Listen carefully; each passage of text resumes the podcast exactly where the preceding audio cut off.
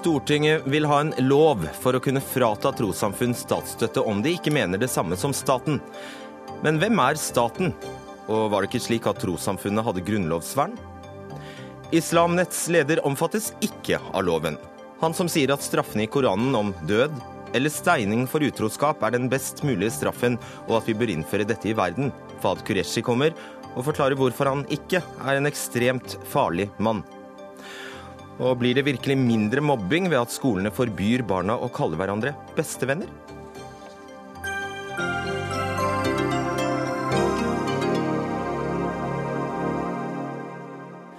Det blir mye tro og tvil i Dagsnytt 18 i kveld. Jeg heter Fredrik Solvang. I hele dag har Stortinget diskutert tiltak for bedre integrering, hindre radikalisering og framveksten av voldelig ekstremisme. Og nå vil flertallet i nasjonalforsamlingen at regjeringen legger en plan eller lager et opplegg for å kunne trekke tilbake økonomisk støtte til trossamfunn Eh, som oppfordrer til lovbrudd, tar imot utenlandsk finansiering fra stater som bryter fundamentale menneskerettigheter, og andre alvorlige forhold som kan medføre tilbaketrekking av statlig støtte, som det heter. Audun Lysbakken, leder i SV og forslagsstiller, hva er alvorlige forhold? Det kan f.eks. Eh, handle om eh, grov undertrykking, alvorlig sosial kontroll, hvis det har sitt utspring i et trossamfunn. Hva er sosial kontroll? Altså, det, det, handler om å berøve mennesker uh, deres frihet. F.eks. har vi sett denne våren en stor debatt om uh, unge jenter uh, i noen muslimske miljøer som har gått til, ut i offentligheten med stort mot, tatt til orde mot æreskultur og sosial kontroll. Vi vet at sånt iblant er koblet til konservativ religion. Og vi har jo også en ja, men Hva har det med trossamfunn å gjøre? Vær spesifikk. Altså, hvis vi får eksempler på at den typen undertrykking av mennesker mennesker, unge jenter, homofile og andre i Norge, ja, har, sitt, har, har sitt utspring i et trossamfunn, så må vi som samfunn ha muligheter til å slå ned på det. Og Vi har for få muligheter til det i dag. og Da må vi velge om det skal være sånn at regelverket for trossamfunn eh, utformes ut fra frykt for å støtte religiøse ledere, eller om vi skal være litt modige, gå inn og se kan vi bruke dette sånn at vi kan hjelpe folk som slåss mot undertrykking? Hva slags undertrykking av jenter snakker du om? Lysbakken? Altså, det kan handle om uh, jenter som ikke får lov til å leve fritt, som ikke får lov til å ha makten over eget liv. Det kan handle om uh, altså de verste eksemplene som vi har hatt, eh, knyttet til oppfordringer til uh, lovbrudd, sånn som jeg vil oppfatte det hvis man, hvis man ja. ja. For eksempel, det første du sier, altså jenter som ikke får, får føre frie liv. Hva har moskeen eller trossamfunnet med det å gjøre? Vi vet at av og til så er sånt knyttet til konservativ religion. Eh, og hvis det kommer eksempler på det, så mener jeg at vi som samfunn må ha mulighet Beskriv til et sånt eksempel. Nei, altså jeg har ikke lyst til å si det og det. Jo, det må du, for du vil lage en lov. Nei, jeg har bedt, talt, du må jo det når du vil lage en lov. Jeg har bedt regjeringen utrede hvordan vi kan gjøre det eh, hvis det kommer sånne saker. Det mener jeg er kjempeviktig, fordi at vi trenger flere midler til å hjelpe folk som utsettes for undertrykking. Og du vet like godt som meg at vi har en lang historie også i Norge med parallellsamfunn, lukkede samfunn, undertrykking i religiøse miljøer. Så det er ingen grunn til å ha noen debatt om det forekommer eller ikke. Vi vet at det forekommer. Spørsmålet er vil vi som samfunn ha flere maktmidler til å prøve å støtte folk som slåss mot undertrykking ja, eller ikke? Og mitt svar på det er ja. ja. Og mitt spørsmål var egentlig hvordan en moské eller et trossamfunn kan stå juridisk ansvar, eh, ansvarlig for at en jente føler seg undertrykt. Det var egentlig men, men mitt spørsmål. Da må du huske på at Her snakker vi om to forskjellige ting. For her snakker vi ikke om uh, å føre uh, straffesak mot noen. Men her snakker vi om spørsmålet om vi som samfunn skal være forpliktet til å gi statsstøtte, økonomisk støtte, til ethvert trossamfunn uten å sette noen grenser. Det her handler ikke om trosfrihet, men det handler om hvorvidt det ikke skal være noen grenser for hva vi støtter. Og jeg ser ingen grunn til at vi skal subsidiere intoleranse. Det er det ingen som er uenig med deg i. Eh, tydeligvis ikke, fordi nesten hele Stortinget var med på det. Det var litt uklart i Stortinget i dag, ja. bare, bare, bare ta, var, det ene, var det bare KrF nå som endte med å ikke stemme for eh, dette? Nei, altså Voteringen er i kveld, ja. Eh, men Høyre, Venstre og KrF meldte i debatten i dag at de vil stemme for et mye mer utvannet forslag. Det mener jeg ville vært et veldig galt signal å gi akkurat nå. Men det ser ut til at det blir et flertall som stemmer gjennom det forslaget som vi opprinnelig frem. Hva sier, hva sier Norges grunnlag paragraf 16, Eidun Lysbakken? Altså, jeg, nå skal jeg ikke prøve meg på alle paragrafene, men jeg regner med at eh, det er religions- og trosfriheten du har funnet fram? Eh, ikke, ja, eh, det står her at eh, alle tros- og livssynssamfunn skal understøttes på lik linje som Den norske kirke. Så den, det lovforslaget du nå vil, ha, vil, vil utrede, det kan faktisk være i, være i, strid med Grunnloven. Da har du et problem. Det kommer helt an på hvordan vi gjør det. Men det fins dilemmaer knyttet til dette. Hvordan avgrenser vi det? Hvordan sørger vi for likebehandling? Og Det er derfor vi skal utrede det. Men det er altså et mye større dilemma hvis vi ikke gjør det vi skal for å hjelpe mennesker som opplever undertrykking i lukkede religiøse samfunn, enn om vi er så redd for å tråkke noen religiøse ledere på tærne at vi ikke kan utrede det engang. Eh, og så er det jo sånn at nettopp dette med likebehandling er et veldig godt argument for å fortsette det SV alltid har vært opptatt av, nemlig å skille stat og kirke i Norge. Eh, ja, ja, men Det kan du ønske deg, men det er ikke det som står i Grunnloven i dag. Det er en prosess vi er i gang ja. med. Og i takt med det vil også Grunnloven endres. Ja, Da er jo egentlig bare poenget med Grunnloven at eh, du, du kan ikke lage en lov som er i strid men, med Grunnloven. Men den kritikken hadde vært relevant ja. hvis vi hadde banket gjennom et lovvedtak i kveld. men det, det gjør vi ikke. Vi utreder dette for å finne ut hvordan det skal gjøres. Og såpass med mot må Stortinget ha når det finnes mange mennesker som har mot til å stå fram og kreve friheten. Dere vil frata eh, trossamfunn, eller trekke tilbake økonomisk støtte til trossamfunn som tar imot utenlandsk finansiering fra stater som bryter fundamentale menneskerettigheter. Hvilke land f.eks.? Det kan gjelde Saudi-Arabia f.eks. Det er et uh, kjent eksempel. det er ingen sånne i dag, vet du. Land. Nei, men det, vi vet at det er eksempler på det fra andre land. Er det bare Saudi-Arabia du tenker på? Altså, vi, eh, det er jo ingen grunn her til å lage en uttømmende liste over det. Det er tvert imot lurt å ha et regelverk som gjør at vi kan slå ned på det hvis det skjer. Bare la meg teste det. USA f.eks. Masse norske menigheter som støttes fra USA. Eh, og eh, USA bryter av menneskerettighetene i ny og Nå skal vi få se på dette regelverket, da. Sant? Og så vil vi uh, måtte gjøre en vurdering av hvilke land som skal, uh, skal uh, regnes inn her. Men sånn, dette er et trosnøytralt regelverk det er et trosnøytralt forslag. Det er fremmet, altså Jeg har nevnt eksempler i dag på ting som har sitt utspring i muslimske miljøer. Jeg kunne like gjerne nevnt ting som har sitt utspring i kristne miljøer. Mitt parti har en lang historie med å bekjempe sosial kontroll, parallellsamfunn og reaksjonære holdninger i kristne miljøer. Vi er konsekvente, vi. Uh, Nei, det er du ikke, fordi jo. du har faktisk sagt at dette forslaget handler ikke om å ta pengene fra trossamfunn som ikke vil ansette kvinnelige presser eller vigsle homofile. Altså, du gjør et svært og uprinsipielt unntak for f.eks. den katolske kirke. Hvorfor det? Helt feil. Det, men jeg har vært opptatt av å skille to forskjellige debatter. For det er en annen debatt om vi ikke skal gi statsstøtte til f.eks. trossamfunn som bryter eh, diskrimineringsloven knyttet til ansettelser. Altså Det finnes mange i mitt parti som mener vi skal gjøre det òg, men det er likevel en annen debatt. Her er det snakk om de mest alvorlige uh, forholdene, uh, som handler om undertrykking av mennesker. Og, det, og, det, er altså to forskjellige debatter. Det kan være gode argumenter for Eh, og gå bredere til verks. Men det er to ulike diskusjoner. Du blir med oss eh, videre, Audun Lysbakken. Ved din eh, side sitter Fad Kureshi.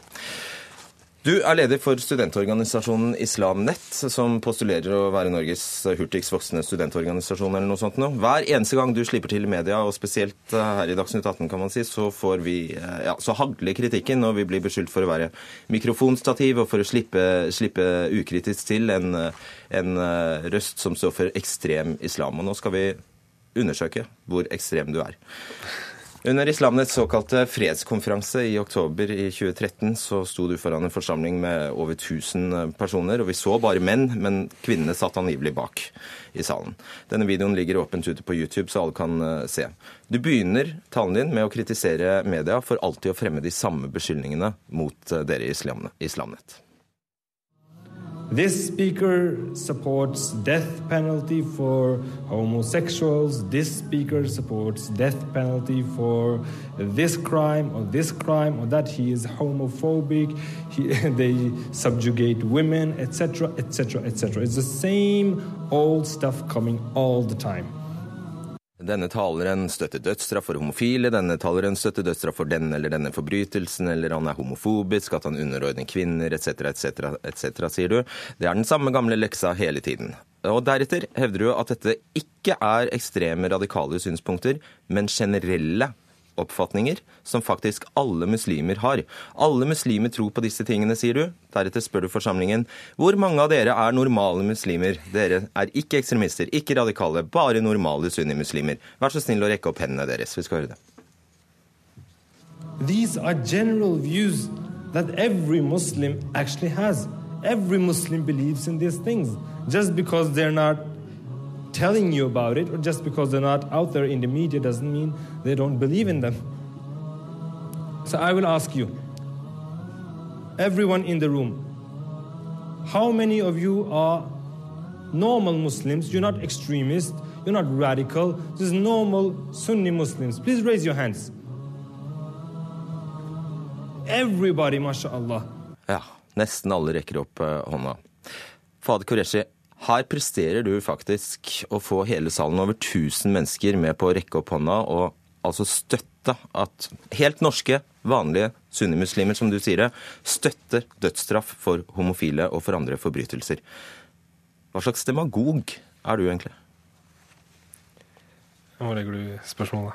Hva er det du holder på med her? Det vi hører her. Eh, Jeg vil si at den videoen er eh, misforstått på mange måter, fordi jeg innser at jeg ola meg på en måte som eh, veldig lett kan misforstås.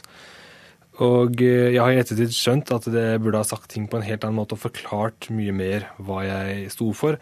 Og noen av de tingene som jeg sa, har jeg også endret mening om senere, etter at jeg har lest mer om islam og kommet frem til eh, hva islams lære er. Hva er det du ikke mener lenger? Altså Jeg kan jo for forklare når det gjelder eh, dødsstraff og utroskap, som veldig ofte nevnes som et eksempel. da. Ja, vi, vi, vi, vi er helt bokstavelige nå, fordi nå, dette er helt konkrete utsagn. Det kommer jo fra din munn. Ja. Så bare ta dette her. Du sier altså egentlig at du sier at vi er helt vanlige norske muslimer som støtter dødsstraff for homofile. Mener du det? Eh, Jeg vil si at eh, enhver person bør få lov til å eh, leve ut slik han vil leve ut, fordi vi lever i et fritt, demokratisk samfunn hvor folk velger selv hva de vil gjøre. Fra mitt ståsted så er det ikke moralsk riktig, men det er ikke opp til meg eller noen andre å gjøre noe mer ut av det. Så du støtter ikke dødsstraff for homofile lenger? Jeg mener ikke at folk her kan eh, få noen straff for, fordi de er homofile. Et annet sted i verden, da? Det er det, er det som er oppfølgingsspørsmålet som veldig mange stiller. da.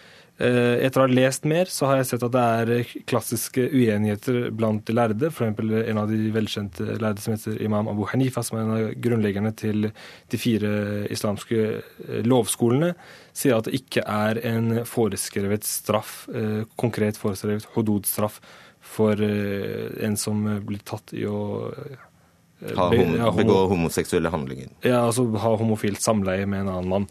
Han, Og det det er opp til du- dommeren å så avgjøre om det, hva som eventuelt skulle være der. Så er det andre lærere som mener andre ting, så det er noe det har vært en klassisk uenighet om. som jeg da... Så hva mener du? Jeg personlig er ikke kompetent til å ta stilling til det, så jeg er helt ærlig med deg. Jeg, jeg vet Så du går fra å støtte dødsstraff for homofile til ikke å klare å mene noe om det? Jeg sier at jeg, jeg Egentlig det som var opprinnelig det budskapet jeg ville få frem i videoen, var at uavhengig av hva islam lærer, så er det ikke opp til meg som et individ å si om det er rett eller galt. Hvis det blir bevist at dette her er det profeten Mohammed fred være med han sto for, og dette er det som er Korans lære, så vil enhver muslim eh, vedkjenne seg til det. Det spiller ikke noen rolle hva det skulle være. Det kommer lenger ut i talen din, det, Kureshi, men det er jo langt fra det du sier i dette avsnittet her. Det er det jeg sier, at jeg burde kanskje ordlagt meg på en bedre måte. Poenget mitt var ikke å promotere straffene, eller si at disse straffene bør implementeres eh, der vi lever.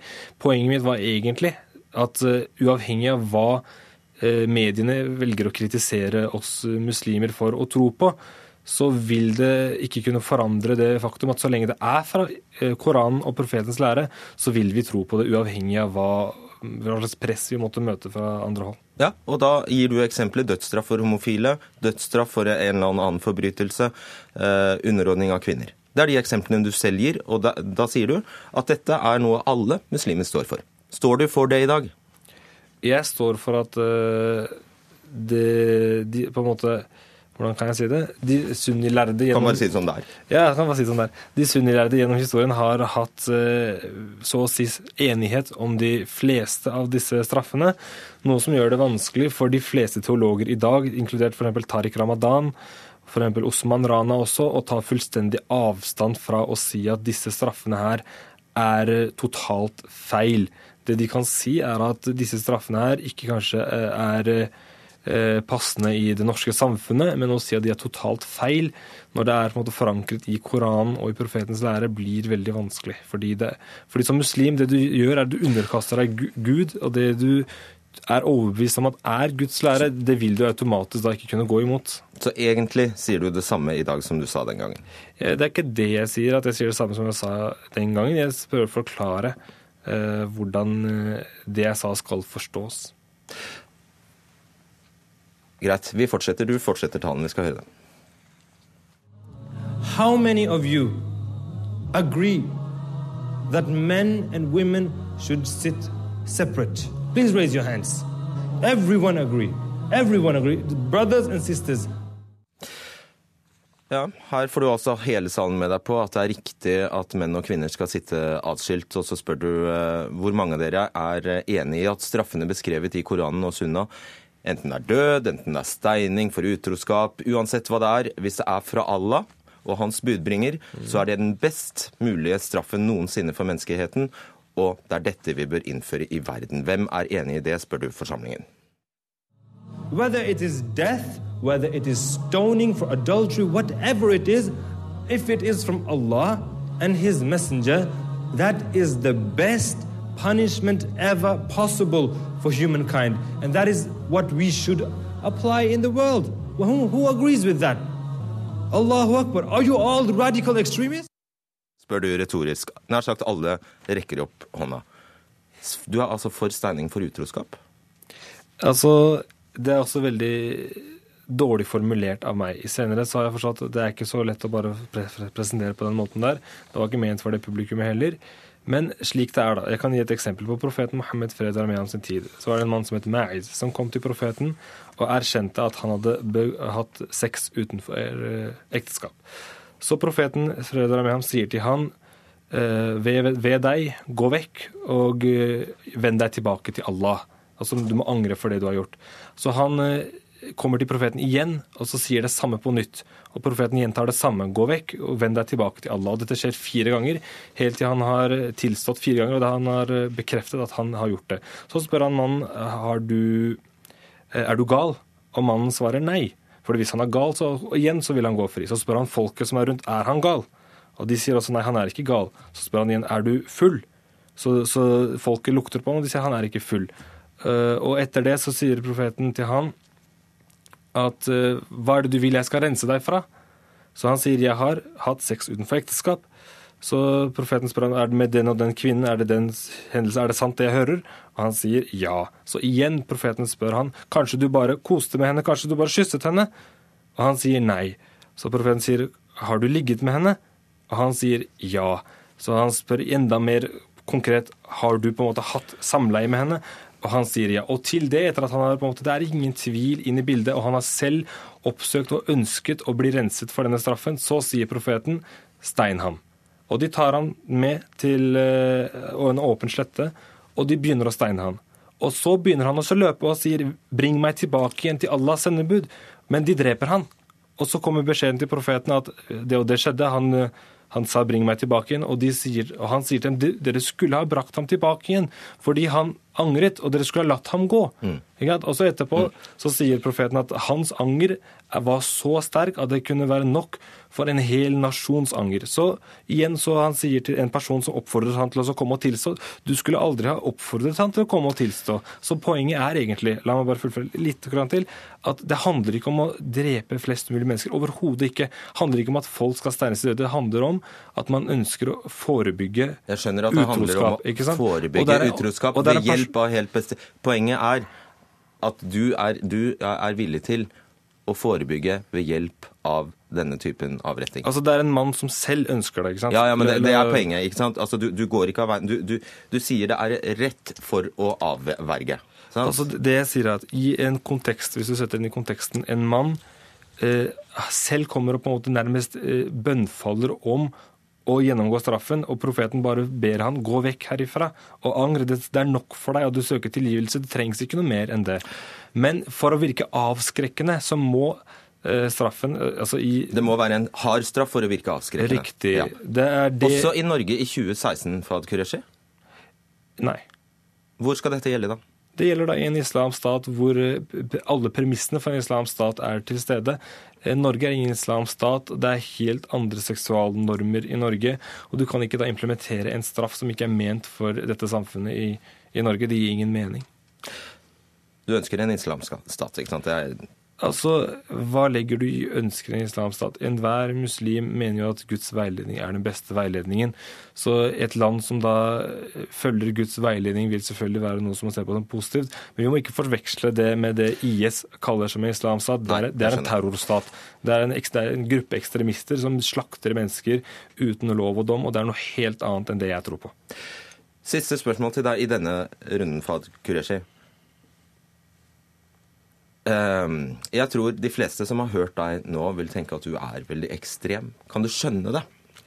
Ja, det kan jeg skjønne, fordi vi lever i et samfunn hvor de meninger jeg har, eller som veldig mange muslimer også har, de er veldig fremmede, og man forstår seg ikke på de. Men jeg kan utfordre hver og en av de som mener det. Kom og sitt med meg, sitt og snakk med meg når vi blir kjent. De som har muslimske naboer, de som omgås muslimer, de ser at muslimer og jeg selv, vi er ikke så ekstreme som man ofte tror. Audun Lysbakken, hva syns du om det du har hørt? Så, forrige gang jeg diskuterte dette med Fahd Qureshi, så gikk han langt i å forsvare Steining. Nå er han åpenbart litt usikker på hva han skal mene, men jeg er ikke så veldig imponert over det. Jeg syns at vi har fått, eh, fått demonstrert hva eh, en dogmatisk forståelse av religion av og til kan bringe med seg, nemlig at eh, mennesker blir fritatt fra å gjøre en vurdering av uh, sjøl, av hva som er moralsk forsvarlig og moralsk forkastelig.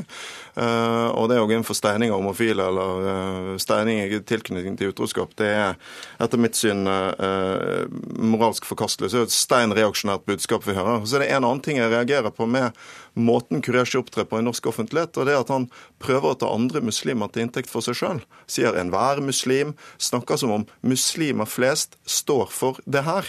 Mens muslimer flest i Norge gjør jo ikke det.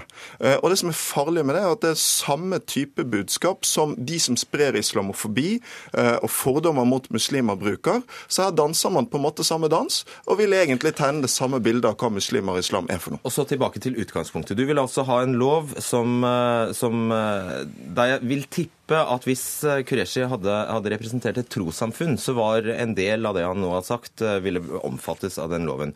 Nå har det seg sånn at han går helt fri av den loven du foreslår, fordi det ikke er et trossamfunn. Hvor paradoksalt er ikke det? Nei, Det kan du si, men uh, vi har jo hatt en sak blant annet der Islamnet eh, fikk offentlige penger, men ble trukket tilbake igjen fordi de ikke ville godta at De ville jo ikke ha dem. Nei, for, men det var jo knyttet til krav fra samfunnet om, om likestilling. Det er et godt eksempel på hvordan vi kan, kan stille den typen type spørsmålet krav. mitt dreier seg jo egentlig om at du, denne loven altså, blir jo så impotent. Du ser jo, når, når han ikke omfattes av loven, så blir det jo en helt impotent lov. Men det er jo fordi Islamnet ikke er et registrert Ja, trossamfunn. nettopp. Eh, Men det betyr jo ikke at loven er impotent. Eh, For det betyr jo ikke at ikke lignende ting kan foregå andre steder. Så her er det, eh, men, men, men sånn, det hadde vært et problem hvis dette var det eneste vi skulle gjøre for å møte reaksjonære former for religion i Norge. Det jeg er opptatt av, det er at vi som samfunn skal støtte folk som kjemper mot undertrykking, og vi skal vise holdning til undertrykkende handlinger eh, og religiøse autoriteter som har makt. Sant? Fahd Qureshi har makt, han. Og det er jo derfor det er alvorlig at han står overfor norsk ungdom og sier disse tingene. Fordi han er en autoritet. Eh, og da mener jeg at eh, han også må finne seg i å få kraftig motbør. Sånn er det i et demokratisk samfunn. Må vi diskutere det, det, og så må vi vise tydelig holdning til. Eh, Fahad Qureshi, du hevder faktisk at denne loven vil føre til dårligere integrering, og mange vil si at det var jo helt utrolig at det skulle komme fra deg, men det sier du altså? Ja, altså jeg mener at det, Lysbakkens forslag faktisk virker helt imot sin hensikt. Du kan jo ta oss selv som et eksempel. Du nevnte at eh, statsstøtten ble, eller den støtten ble tatt tilbake igjen. Det faktum at vi ga støtten tilbake igjen, gjorde oss bare friere. Da kan vi operere akkurat som vi vil. Vi er ikke avhengig av de pengene som dere har å tilby. På samme måte, hvis du tar statsstøtten eh, fra en moské eller fra et trossamfunn og forventer at det- kommer til å føre til at de kommer til å følge mer etter de retningslinjer som dere ønsker, så, så det går helt imot. Hvis du tar statsstøtten, så har du ikke lenger noen ting å forholde seg til. Og samtidig... du har et eksempel på det. Du snakket med to imamer, sa du? Ja, Hva jeg snakket med to, av de, to imamer på to av de store moskeene i Oslo.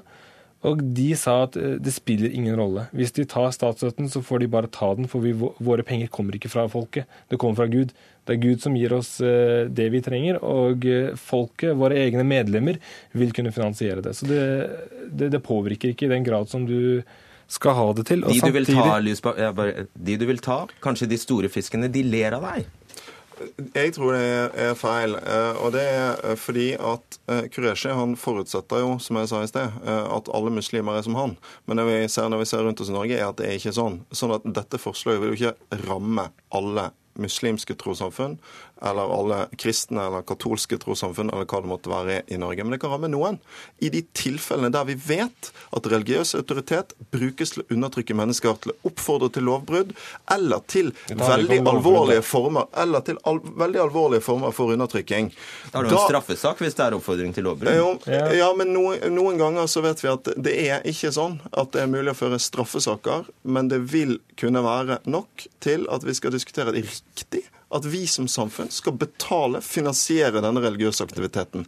Og, og, og, så, og så, har dette en side til også de som kjemper mot religiøse autoriteter, mot undertrykking, pga. hvem de elsker, eller pga. kjønnet de har, eller hva det måtte være, de fortjener også å se at vi som samfunn stiller opp for dem. Ja, men Da blir det ekstra, ekstra, ille hvis dette ender som en papirtiger av en lov. Det er, det, det er jo det som men er poenget. Noen ganger har lover en normgivende effekt. Det skal vise hvor vi står som samfunn. Og Vi må altså ikke være så redd nå for det har vært litt tendenser til det i Stortinget i dag, så redd for å støte mennesker med makt at vi ikke støtter mennesker som undertrykkes. Fad Kureshi, eh, Stortinget er altså opptatt av å kjempe mot sosial kontroll. Dere driver jo i høyeste grad med mye sosial kontroll, for å si det mildt.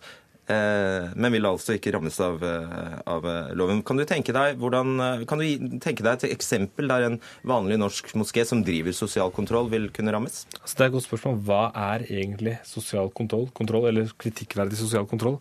For eksempel en kirke som predikerer at sex utenfor ekteskap er syndig, skal de miste statsstøtten? Hva hvis en moské mener at kvinner bør bruke hijab, skal de miste statsstøtten? Hva hvis en kirke oppfordrer til å leve som munk eller som nonne? Er ikke det en form for sosial kontroll? Altså, Hvem skal definere hva som er akseptabel sosial kontroll ikke? Fordi ethvert trossamfunn eh, utøver en eller annen form for sosial kontroll i form av at de gir retningslinjer eller gir føringer på hva de mener er riktig måte å oppføre seg på sosialt når det gjelder eh, deres religion. Men, men, vet du hva, den diskusjonen der, den, eh, man må gjerne prøve på det. Altså, vi har altså sett senest denne våren så mange ganger i Norge jenter, kvinner, homofile, ulike mennesker som har stått fram med sine fortellinger om undertrykking i religiøse miljøer. Vi, vi må ikke late som om dette ikke skjer. Men er det ikke forskjell på tvang Auden, og det å si, gi retningslinjer for dette her er slik vi mener at er riktig i henhold til vår religion? F.eks. hvis en kirke da sier at sex utenfor ekteskap det er men, syndig, ja, og, du helvete, og, du kommer til helvete for det. Når vi snakker om alvorlige forhold og oppfordring til lovbrudd, så er det ikke det vi snakker om. Nei, jeg, har kritisert, jeg, har kritisert, jeg har kritisert Vatikanet tusen ganger, jeg. Men det er altså veldig stor forskjell på å si at du ikke vil ha homofile prester eller ikke vigsle homofile, og å si at homofile kanskje burde steines, eller at du er usikker på om homofile burde steines. Den forskjellen forstår du òg. Og dette forslaget her handler om å ramme den typen Nei, alvorlige sosial, forhold som vi som samfunn kontroll. må reagere mot. Okay. Sosial kontroll. Hva er sosial kontroll? Kan du forklare meg det? Men, men, vet du hva, det er heldigvis ikke du som skal definere det. For jeg skjønner at, du, jeg, jeg skjønner at du vil bagatellisere de historiene vi har sett denne våren. Jeg skjønner at du ikke vil erkjenne at dette er et problem. Men for mennesker som opplever religiøst basert undertrykking, så er det et problem. Og for meg, som folkevalgt, så er det de jeg har tenkt å stille opp for. Siste, jeg, skal deg, jeg skal stille deg et spørsmål fra Kureshi om sosial uh, kontroll. Eh, du sier jo, du, du sier jo i, i, talen din her at det er helt uh, Altså, straffene beskrevet i Koranen og Sunna uh, skal tas bokstavelig. Spør skal kvinner, være, skal kvinner være lydige menn? Altså, Jeg syns alle burde være lydige overfor hverandre. Nei, svar på spørsmålet. Skal kvinner være lydige menn? Jeg vet ikke hva du legger i det. Bør de underordne seg menn? Hva, hva vil det si? Jeg vet ikke. Nei, ikke jeg heller. Okay en, en, en, metode her, som du kan si. Ja. Merker, vi merker oss det. Jeg, jeg, må forstå spørsmålet for å kunne svare Du skjønner jo hva lydig betyr. Nei, jeg forstår ikke hva han mener med det. Du, du er norsk, du skjønner hva lydig betyr. Kan du bestemme over kvinner, var det egentlig jeg mente? Nei, jeg kan ikke bestemme over kvinner, nei. Aldri? Altså, aldri. Hva legger du i det? Det blir, det blir for dumt. Fordi du er mann, kan du bestemme over en kvinne? Nei, kan du gjøre det? Nei. Det Nei, Så bra. Mm. Da er vi enige. Ok. Greit, jeg tror ikke vi kommer lenger. Ja. Takk skal dere ha.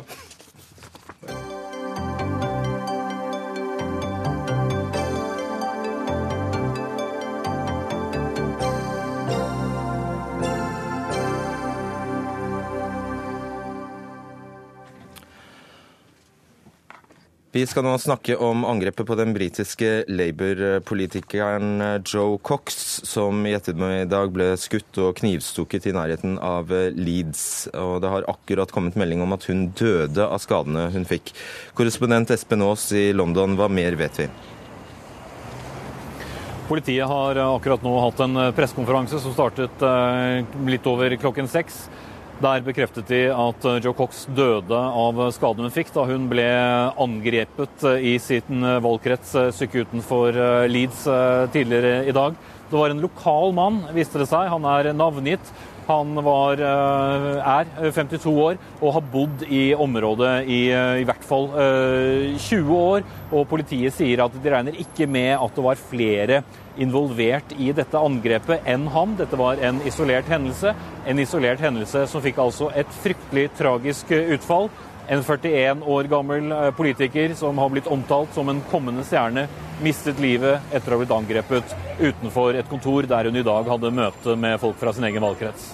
Har det kommet fram noe om hvem denne mannen er? Altså noe mer om bakgrunnen hans?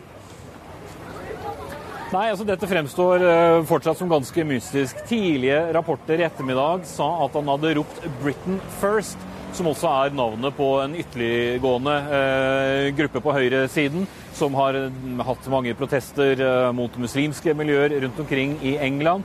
Politiet har ikke bekreftet at dette ble ropt av mannen. Eh, flere øyenvitner har, og har også sagt at ikke de eh, hørte noe lignende da de var til stede. Det vi vet, er at hun ble angrepet. En eldre mann som var inne på kafé, prøvde å hjelpe henne da hun ble angrepet av 52-åringen. Han ble også skadet, men kun lettere. Hun ble fløyet til sykehuset i Leeds, men livet sto altså ikke til å redde. Eh, som, du, som, du, er inne på, altså Britene er jo innspurten av den store eh, før, før, neste ukes store avstemning om brexit, altså om britene skal forlate EU eller ikke. Og Cox var for EU-medlemskap. Vil det påvirke valgkampen, er det trolig? Allerede har du påvirket uh, valgkampen fordi alle, absolutt alle arrangementer både for og imot EU er avlyst i dag. Uh, nå For to-tre minutter siden så kom det også melding om at den engelske sentralbanksjefen avlyser en bankett i kveld hvor det skulle bli holdt en viktig tale om økonomien fremover. Nå har vi et, et, land hvor politikerne er i sorg. De har mistet en, en nær kollega. En som ble valgt inn i parlamentet eh, så sent som under eh, parlamentsvalget i fjor, og som altså ble angrepet på åpen gate. Hva nå med sikkerheten for politikere i dette landet? Den debatten blir nok en gang eh, brakt opp. Her i London er fortsatt en by hvor du kan se en London-ordfører komme på sykkel, hvor du kan se lederen av det største opposisjonspartiet komme på sykkel, hvor du kan møte på parlamentarikere på hvilken som helst kafé eller pub i nærheten av Underhuset. Vil dette endre det, er jo spørsmålet mange allerede har begynt å stille seg. Mange har også avlyst sine møter i sine lokale valgkretser som de skulle hatt med eh, sine eh, velgere i dag, for å svare på spørsmål bl.a. Eh, om den kommende folkeavstemningen om EU. Takk skal du ha, Espen Aas.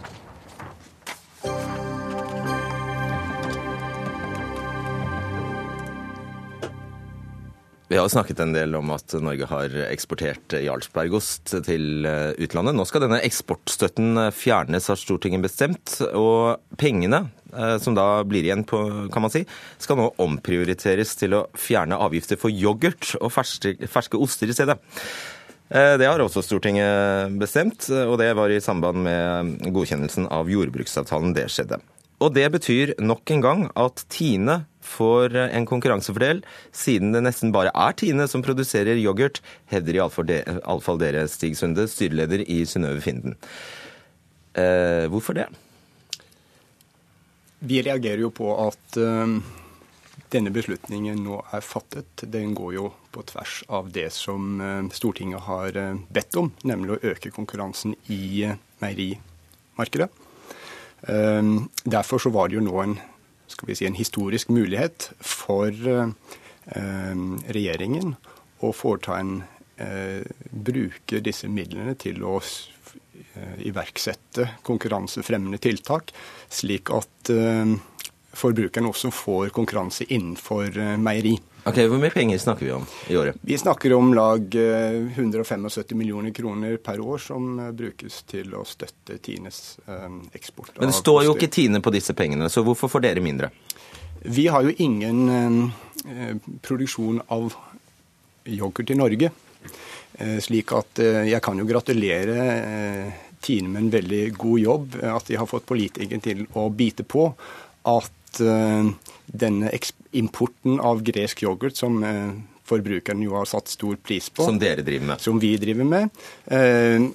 Og vi har en markedsandel på 5% Altså at disse 5 har forårsaket at man da har Eh, valgt å bruke midlene og føre de tilbake til Tine, slik at konkurranseulempen som vi som er utfordrere har, nå er eh, større enn den faktisk var tidligere. Ja, kort, eh, Enkelt forklart så mener dere det innebærer at den importerte greske yoghurten deres blir dyrere enn Tines yoghurt. Relativt sett. Jonny Ødegaard, direktør for politikk og samfunnsansvar i Tine. Dere har faktisk, og det har vært litt tvil om tallene her, men, men dere, Tine alene, har 55% av yoghurtmarkedet. Og legger man til alt det andre dere eier gjennom f.eks. Altså, de andre merkene gjennom Fjordland, er det Joplé og sånne franske merker, som dere ikke merker som veldig norsk, så har dere mye mer enn det. 67% eller noe sånt av eh, yoghurtmarkedet. Eh, og det stemmer vel? Det er vel helt riktig som, eh, som Sunde her sier, at dere får mesteparten av disse pengene? For det første vil jeg si at det er en klok beslutning å styrke konkurransekrafta til norsk mjølk og til norsk industri. Eh, det er flere norske aktører som produserer eh, ferskost og, og yoghurtprodukt, og alle får de samme vilkårene. Det ligger ingen konkurransevridning i dette. Det er også feil når det blir sagt at dette gjør importert yoghurt dyrere. Dette påvirker overhodet ikke prisen på den importerte yoghurten. Det gjør norsk mjølk brukt i norsk yoghurt billigere. Ja, ja, Men da påvirker det jo indirekte prisen. Det gjør det mulig å, å konkurrere bedre med norsk mjølk av veldig høy kvalitet. Og det syns vi er en veldig klok beslutning eh, med den situasjonen eh, vi har i Norge i dag. Sønne? Eh, ja, jeg forstår jo at uh, Senterpartiet stemte jo også mot uh, dette med Stortingets vedtak om uh, å styrke konkurransen innenfor meieri. Så jeg skjønner jo at dette er et ønske om å, å, å tvinge importert yoghurt ut av markedet. Vi syns ikke det er riktig. Vi syns at forbrukerne skal ha en valgmulighet. Eh, og den har vi vært med på å gi gjennom å tilby en gresk yoghurt som har hatt en kvalitet som da forbrukeren har vært villig til å betale en del mer for enn den som produseres i Norge. Nå har man da gjennom i tre omganger tatt eh, denne eh, prisen man må betale for norsk råmelk for å produsere yoghurt i Norge, ned med 1,58 kr øre eh, per liter. Og det er klart at det betyr at det blir en relativt sett pris, større prisforskjell på den importerte og den norskproduserte. Men skal du virke, Mener du det? Skal du ha noen til å synes synd på deg fordi den importerte yoghurten din blir dyrere? Ærlig talt? Jeg, jeg syns ikke at vi skal synes synd på, på, på oss, det syns jeg absolutt ikke. Men jeg syns synd på forbrukerne, som da blir sittende igjen og måtte, skal vi si, bli tvunget eh, til å velge norsk yoghurt, for at den er jo dette alt mye billigere. Jeg må få deg til å korrigere det igjen, for det er ikke snakk om at den importerte yoghurten blir dyrere. Den vil koste akkurat det samme. og Jeg vil faktisk berømme Synnøve Finden for, eh, for, å ha bidratt til å utvide dette markedet. Vårt mål er også å tilfredsstille forbrukere i størst mulig grad, men vi tror vi kan gjøre det på, på norsk mjølk, og det tror vi forbrukeren vil bli enda mer fornøyd med. Ja, det er jo egentlig bare Stig Sunde som bestemmer hva prisen på denne yoghurten skal bli, da. Så det er sagt. Geir Pollestad, leder i næringskomiteen for eh, Senterpartiet. Hvorfor er det Tine som nok en gang skal få en fordel i meierimarkedet? Dette handler om at eh, vi vil ha et levende landbruk i hele landet. Vi vil sikre norske eh, arbeidsplasser. Eh, når Synnøve Finden truer med at dette kan gå ut over importen av yoghurt, så tenker jeg det er veldig bra. Fordi at vi ønsker jo å styrke konkurransekraften på norsk melk. For du vil helst ikke ha import? Nei, Vi ønsker jo at den norske melka når, når produksjonen av Jarlsbergost går ned, så vil det få konsekvenser. Da en, bruker en de pengene til å styrke konkurransekraften til å produsere yoghurt av norsk melk. Du vil helst ikke ha import, spurte jeg. Nei, Vi ønsker jo at mest mulig av yoghurten som blir spist i Norge, skal være laga på norsk melk. Bruke norske beiteressurser. Du vil helst ikke ha import? Nei, Vi ønsker jo at den norske at, jo, altså, vi ønsker at en høyest mulig del av den uh, maten som uh, blir spist i Norge, er produsert i uh, Norge. Og Der er det jo fullt opp til Synnøve Finden å produsere sin yoghurt på norsk melk. Og det er jo det vi ønsker, og det er der vi ønsker de skal konkurrere. Nettopp. Hvorfor ikke bare begynne med det? Det ønsker vi svært gjerne å gjøre. Eh, Da er det det andre eh, problemet med det som nå foreligger, er at rammebetingelsene våre har nå en eh, horisont frem til 2018, hvor da dette skal vurderes igjen. Og som mange forstår, så vil det være vanskelig for de fleste å investere de beløp som det er behov for for å sette i gang med yoghurtproduksjon i Norge, når man har kjennskap til rammebetingelsene kun en par år frem i tid. Men vi er er- absolutt interessert i å produsere yoghurt i Norge. Eh, ja, og dette nå, i fare for at dette blir super og altfor teknisk, så tror jeg du nå er inne på den råvareprisen dere får for, altså dere må betale for melka. Stemmer det? Og der hevder dere at dere må betale mer enn Tine for råvaren. Det er riktig. Stemmer det, Jonny Ødegaard? For i tilfelle så er jo det kjempeurettferdig. Det er også helt feil. Vi Vi videreselger mjølk til Synnøve Finden til nøyaktig samme pris som til vår egen industri. I tillegg benyttes det såkalte konkurranseforsterkende virkemiddel på i sum 120 millioner kroner årlig for å styrke konkurransen i markedet. Så her er sterke virkemidler satt i sving for å stimulere til produksjon på norsk mjølk, også hos våre konkurrenter. Hva er det du snakker om da? Det høres jo veldig tilforlatelig og fint ut, men det er bare ett problem med det, og det er jo rivruskende galt. Eh, som jeg er sikker på at du også Betaler du mer for mjølka? Kan du vise meg en, en lapp nå- hvor det står du at du har en høyere mjølkepris Som, enn det eh, vi tar til vår egen industri? Det som da professorer innenfor juss og økonomi fra ledende universitetsmiljøer i Norge, altså Handelshøyskolen, BI Universitetet i Oslo, har påvist i flere omganger, det er at Synnøve Finn betaler i overkant av én krone per liter for mye for melken i dag. Det at vi da mottar 27 ører, det gjør fortsatt at vi betaler over 73 øre for mye for melken i dag. Ok, Geir Polstad, forklar, eh, forklar logikken i at hvis man avvikler en ordning man da syns Stortinget faktisk eh, har kommet til at man syns er feil, nemlig eksportstøtten til Jarlsbergost, så blir det altså om å gjøre for det samme Stortinget å, å bare kanalisere de pengene videre, sånn at vi kan fortsette å produsere like mye melk. Så vi skal, vi skal, altså, dere skal tvinge oss yoghurt. Hva er logikken i det? Vi ønsker at vi skal ha et landbruk i hele landet. og Da er det viktig at bøndene får like mye betalt, enten de produserer den i Finnmark eller i Oslo. At det er like priser. Nei, for dette Det er en overproduksjon. Og så er det klart at når, når Jarlsberg-markedet faller vekk, så eh, har du to valg. Enten kan du si OK, vekk med 10% av norske melkebønder. Det vil ha store konsekvenser. Det vil gå utover norske arbeidsplasser, og det vil gå utover norske bygder. Det ønsker ikke vi å aksepte- å være med på. Så vi tar de pengene, og så kutter vi ut en avgift på yoghurt. Og den gjør at det blir mer lønnsomt. Jeg tror ikke de blir enige om, eh, om disse prisene, om de er gode eller dårlige. okay. Men de blir enige om at denne ordningen gjør det mer attraktivt for Synnøve Finden å produsere yoghurten i Norge på norsk melk. Men skal planen fungere Det ikke er elementer av tvang oppi dette. Norske forbrukere de ønsker norsk mjølk med det lave antibiotikaforbruket. Vi har kanskje Europas aller laveste antibiotikaforbruk. Det er en høye- Ja, Det er en helt annen sak. Det som blir spennende å se dere, er jo om vi har lyst på all denne yoghurten, dere. Fordi det er mye melk som skal avsettes her. Takk skal dere ha. Jonny Ødegaard, Stig Sunde og Geir Pollestad.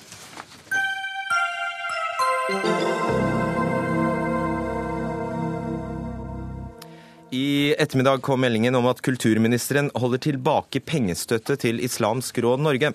Og det skjer etter et møte med den eh, nye styrelederen i rådet. Det avgåtte styret beskriver eh, tilstandene i Islamsk Råd som kaotiske, og mener eget arbeid er blitt sabotert, skriver Aftenposten i dag.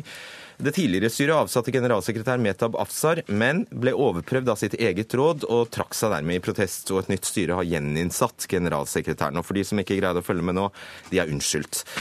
Generalsekretæren heter Metab Afsar. Han var forhindret fra å komme hit eh, i kveld, og det har han også vært hver eneste dag de siste ukene vi har forsøkt. Linda Hofstad Helleland, kulturminister fra Høyre. Hvorfor trekker du støtten til Islamsk Råd Norge? Nei, Først vil jeg si at eh, Kulturdepartementet sitt tilskudd til Islamsk Råd Norge skal jo bidra til å styrke rollen som dialogpartner overfor våre trossamfunn og samfunnet for øvrig. Det her er, de spiller en svært viktig rolle og en funksjon for at integreringa blir eh, vellykka. Eh, og med møtet med Keba Seka i dag, Hvem er det? så, så den nye valgte lederen, så var jeg opptatt av at mitt, min tillit til styret avhengig av at jeg raskt som mulig får en redegjørelse om at det nye styret ble valgt på en lovlig måte. Så det, ok, Hva er det formelle grunnlaget du, du trekker pengestøtten for, på?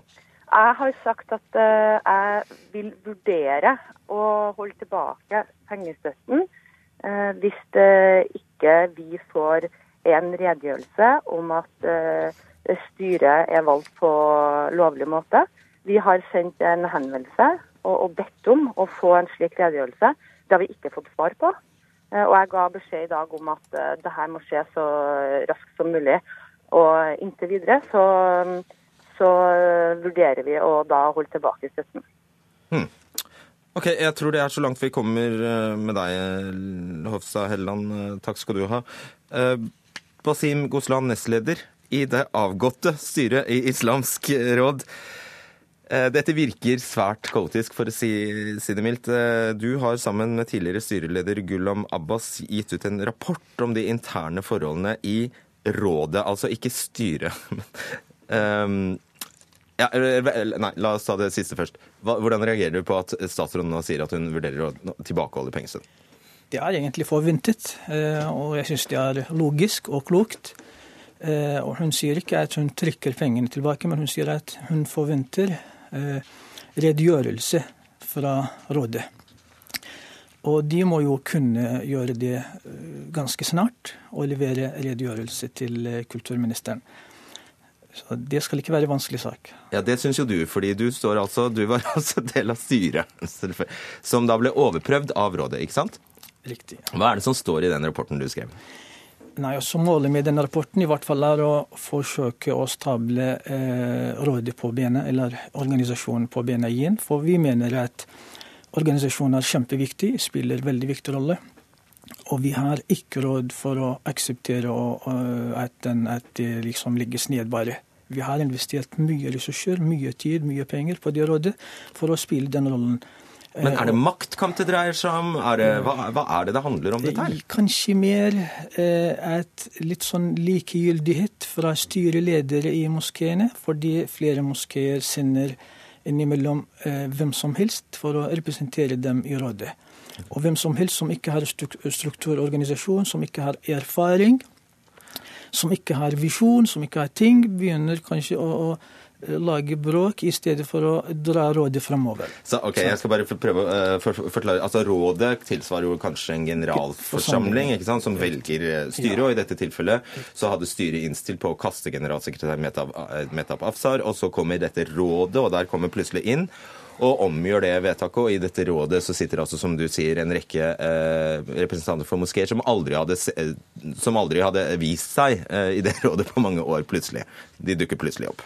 I dette ja. møtet så var det noen ja, som ikke hadde dukket opp på lenge. Riktig. Stemmer.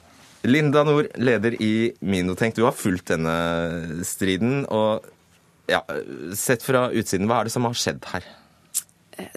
Det er litt vanskelig å si, fordi det er, sant, det er ulike versjoner og det er mye det virker som det er et høyt konfliktnivå. Eh, men det jeg er opptatt av, det er ikke denne selve konflikten, for det tror jeg bare er et symptom på ting som ikke har fungert eh, lenge. Mm. Og, og, det er jeg veldig opptatt av, fordi vi er i en veldig kritisk eh, tid. Altså Islam og muslimer, det ser man jo bare på den sendingen her, hvor stor del av den som har handlet om noe islamrelatert. Det er et tema som kommer opp hele tiden i, i forbindelse med økt terrortrussel fra ekstremistiske grupper som IS og uh, andre. Uh, I forhold til integrering, i forhold til så mange ting som hele tiden kommer opp.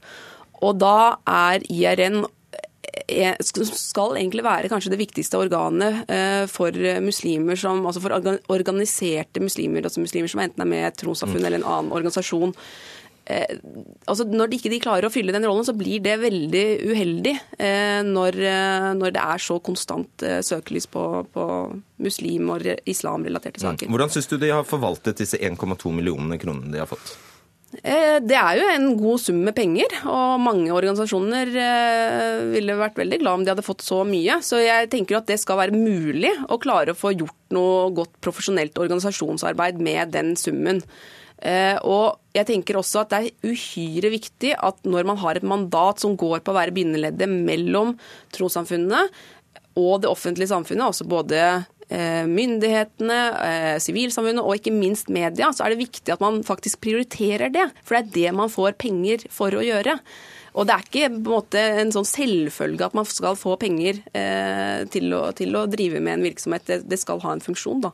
Hva er det Basim Goslan Metab Afsar har gjort som gjør at han ikke kan eh, bli værende som generalsekretær? Altså, jeg kan dessverre ikke uttale meg om sånne personalsaker, eh, men at vi har vurdert situasjonen, eh, og vi prøvde å finne løsninger på det. Eh, og vi endte med at vi måtte gi oppsigelse. Vil du ikke si noen ting som gjør at vi andre kan forstå litt bedre? ja, da må du spørre loven, for her er det lover og regler som gjelder. som arbeidsgiver så kan jeg ikke sitte her og, og snakke om personaldetaljer. Det går ikke. Ok, Hva er fundamentalt galt, da, etter din mening? Eh, også fordelingen, arbeidsrollen eh, mellom styret og sekretariatet f.eks., mener jeg er fundamentalt feil i, i organisasjonen. Det er, må, må, bli mye klarere. må bli eh, fornuftig fordeling av arbeidsoppgaver. At styret f.eks. får lov til å styre at styret har personalansvaret, og det er styret som sitter med oppfølgingsansvaret og, og til og med oppsigelsesretten også. Eh, slik det har vært, så har det vært på en måte to hoder. Ingen visste hvem som jeg hva. Eh, litt sånn uheldig situasjon. Eh, og en ansatt som mener at, at, han er ansatt fra selve rådet, som ikke kanskje trenger å forholde seg til styret og hva styret sier. Oh ja, så Afsar mener han er ansatt av eh, rådet, mens dere for, mener han er ansatt av styret? Eh, og er dermed avsatt av styret? Det er noe i vedtektene som man kan liksom lene seg på. Selvsagt, alt må jo tolkes, eh, og vi tolket disse vedtektene på best mulig måte. Og vi mente at nei, det er ikke sånn det er ment, men det er ment sånn. Og så er det andre personer som ikke er enig i denne tolkningen. Eh, du sier at det er eh, altså et symptom, men altså, du har selv gått ut mot generalsekretæren, som altså ikke er til stede, og, og kritisert måten han har fungert på, og at han har kommet med svært uheldige uttalelser. Hva handler det om? Det handler jo om mye. Jeg tenker I forhold til akkurat generalsekretæren, så er jo det en offentlig rolle. Det er jo kommet fram veldig mye eh, som ikke har fungert der. At han ikke er tilgjengelig for mediene. At ikke Eh, han har fungert godt i samarbeid med, med, de som han skal samarbeide med og sånne ting. Og nå er ikke han her, så vi skal ikke gå så i dybden på det. Hva er det han sier da som har vært feil? Eller hva har, hva har han sagt som har vært feil? han har jo tråkka i salaten veldig mange ganger, og det er uhyre uheldig fordi at de fleste eh, i Norge de kjenner ikke muslimer eller muslimske miljøer på innsiden pers eller sånn personlig. Vi er et langt, langstrakt land, folk bor rundt omkring. Og når de bare får inntrykk av eh, saker som angår muslimer gjennom mediene, så er det ansvaret kjempetungt. Og hvis man ikke tar det seriøst, og hvis man eh, ikke virker eh, på en måte som om man skjønner det alvoret i, i, å ha en sånn talspersonsrolle, så, så, blir det utrolig uheldig. Og folk da sitter igjen med en, en veldig uheldig, et uheldig bilde av, av det organiserte muslimske Norge. Vi får håpe han eh, kan stille og svare for seg en eh, vakker dag. Takk skal dere ha, Linda Nord og Basim Gotland.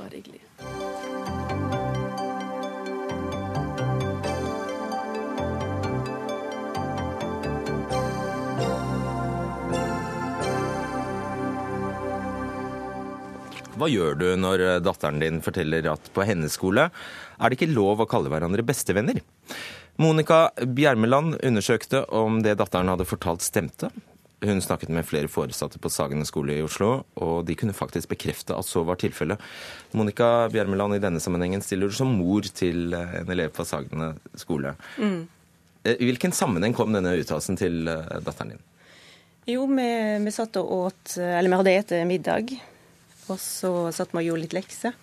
Eh, det her var i vinter. Hun hadde hadde norsklekse i å skrive sjølbiografi. Så lurte hun på hva skal jeg skrive om da, mamma. Så jeg kom med noen tips, eh, bl.a. at hun kunne fortelle om bestevennene sine.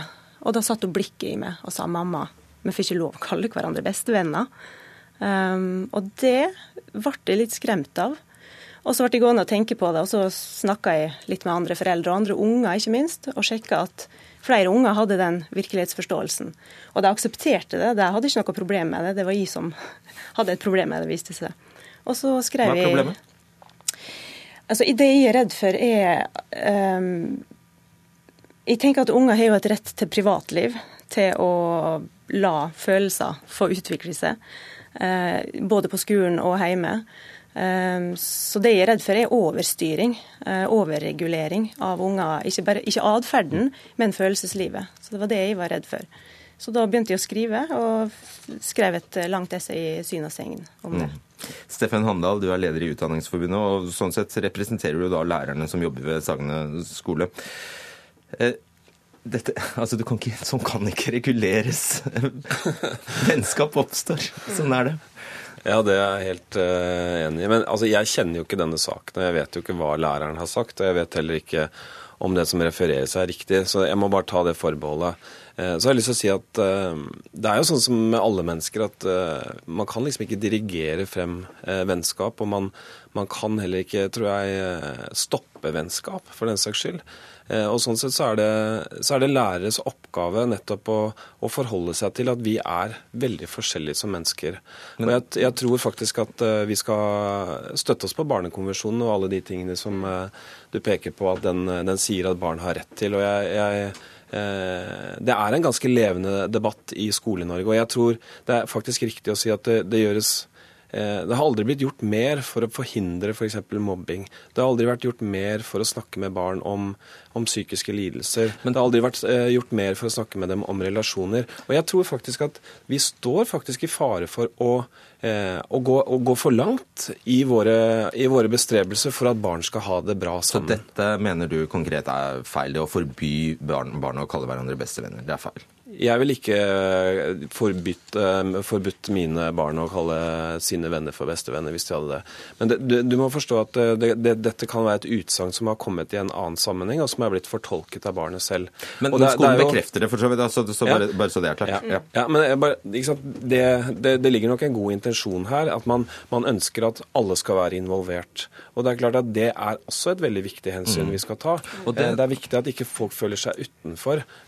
Så disse tingene tingene må veies opp mot hverandre. Det fins ingen fasit. Og det ser jo du, du, jeg leser jo det i teksten Absolutt. din, at du ser jo det selvfølgelig, ja. at det kan virke ekskluderende. Nei, altså det jobb nummer én er å prøve å hjelpe ungene til å bli rause mm. og inkluderende. Det er kjempeviktig. Det blir bare viktigere.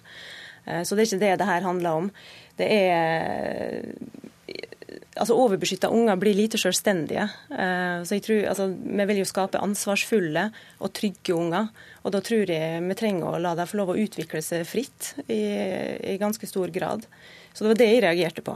Og så skriver du faktisk at, at i enden her så, kan, så du skriver lager vi ikke offer, lett krenkelige mennesker, mm. dersom vi prøver å kontrollere vennskap. Ja, det eh, lurer jeg jo litt på om skolen tenker på. Altså, skal vi vi skal beskytte unger mot krenkelser, men, men kan man lære deg å takle det? Det mm. skulle jeg gjerne hørt litt mer om. Ja. hva dere tenker om. Ja, altså I vår eh, profesjonsetiske plattform så står det at vi skal gripe inn og verne barn mot eh, krenkelser. Men eh, sånn som jeg ser det, så er egentlig ikke det nok. Og jeg, liker egentlig den diskusjonen som du Eh, du leter litt etter, eh, nemlig det at eh, barn også skal på sett og vis tåle en, en grad mm. av krenkelser.